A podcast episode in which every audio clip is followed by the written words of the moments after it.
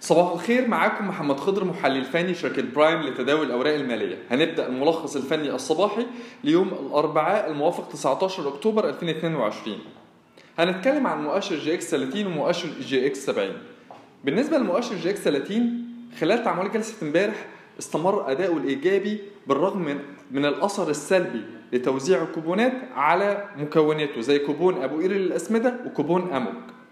ولكن حتى الآن لم تتجاوز أغلب مكوناته مستويات مقاومتها الرئيسية اللي إحنا ذكرناها في أكتر من اجتماع صباحي. وخصوصا البنك التجاري الدولي حتى الآن لم يتجاوز منطقة المقاومة الأهم ما بين ال 27 جنيه لل 27 ونص. عشان نقول أو نتأكد إن في تغير حقيقي في الاتجاه الهابط إلى اتجاهه الصاعد.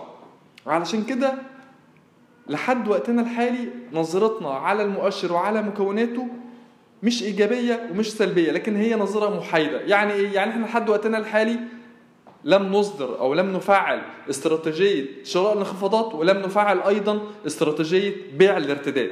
إحنا مترقبين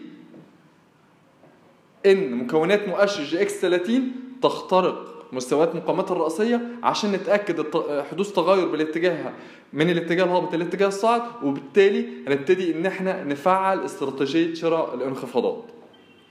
بالنسبة للجزء الثاني من اجتماعنا الصباحي واللي هنتكلم فيه عن مؤشر EGX 70 مؤشر EGX 70 جلسة أمس ارتد متجاوز مستوى المقاومة السنوي عند ال 2200 منطقة المقاومة الرئيسية التالية تكون ما بين ال 2234 وال 2280 ومنطقة المقاومة دي منطقة مقاومة مهمة لأن في حالة اختراقها هيتغير اتجاه المؤشر من الاتجاه الهابط إلى الاتجاه الصاعد فالفترة اللي جاية ضروري إن أنا أركز على مؤشر EGX 70 على منطقة المقاومة الرئيسية ما بين 2234 ل 2280 الشيء بالشيء يذكر زي ما قلنا إن برضو مكونات مؤشر EGX 30 لازم تخترق مستويات مقاومتها الرئيسية. إحنا برضو وإحنا بنراقب منطقة المقاومة الرئيسية بالنسبة لمؤشر EGX 70 ما بين 2234 ل 2280 لازم نركز على مستويات مقاومة الرئيسية لمكونات مؤشر جي إكس 70 شكرا.